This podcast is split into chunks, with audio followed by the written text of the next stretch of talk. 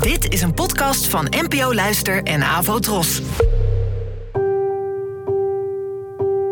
Poëzie vandaag. Met Ellen Dekwits.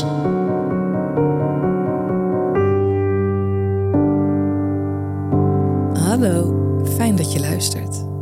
Het titelloze gedicht van vandaag werd geschreven door de Nederlandse dichter Tjeerd Bruinja, geboren in 1974. Je kijkt nooit hetzelfde naar haar van jonge vrouwen als je moeder een pruik draagt.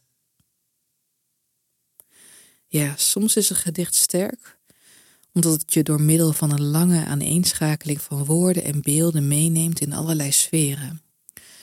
En soms werkt een vers omdat het kort en krachtig is. En dit gedicht lijkt op het eerste oog slechts uit een terloopse opmerking te bestaan. Dat je nooit hetzelfde naar het haar van jonge vrouwen kijkt wanneer je moeder een pruik draagt. De bondigheid maakt dat het hard aankomt. Je kan je blik niet afwenden van wat er wordt gesteld. Er zijn geen metaforen of ingewikkeld klankspel waar je je aandacht nog op kan richten waardoor je dus moet stilstaan bij wat er eigenlijk wordt gezegd, en dat is iets heel heftigs.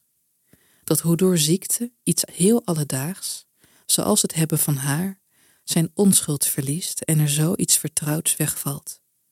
In vijftien woorden worden leven, angst en tijd samengebald tot een vuist, die een alles vernietigende dreun uitdeelt. En dat is knap. Heel knap.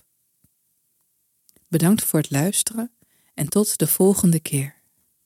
Afro Tros, de omroep voor ons.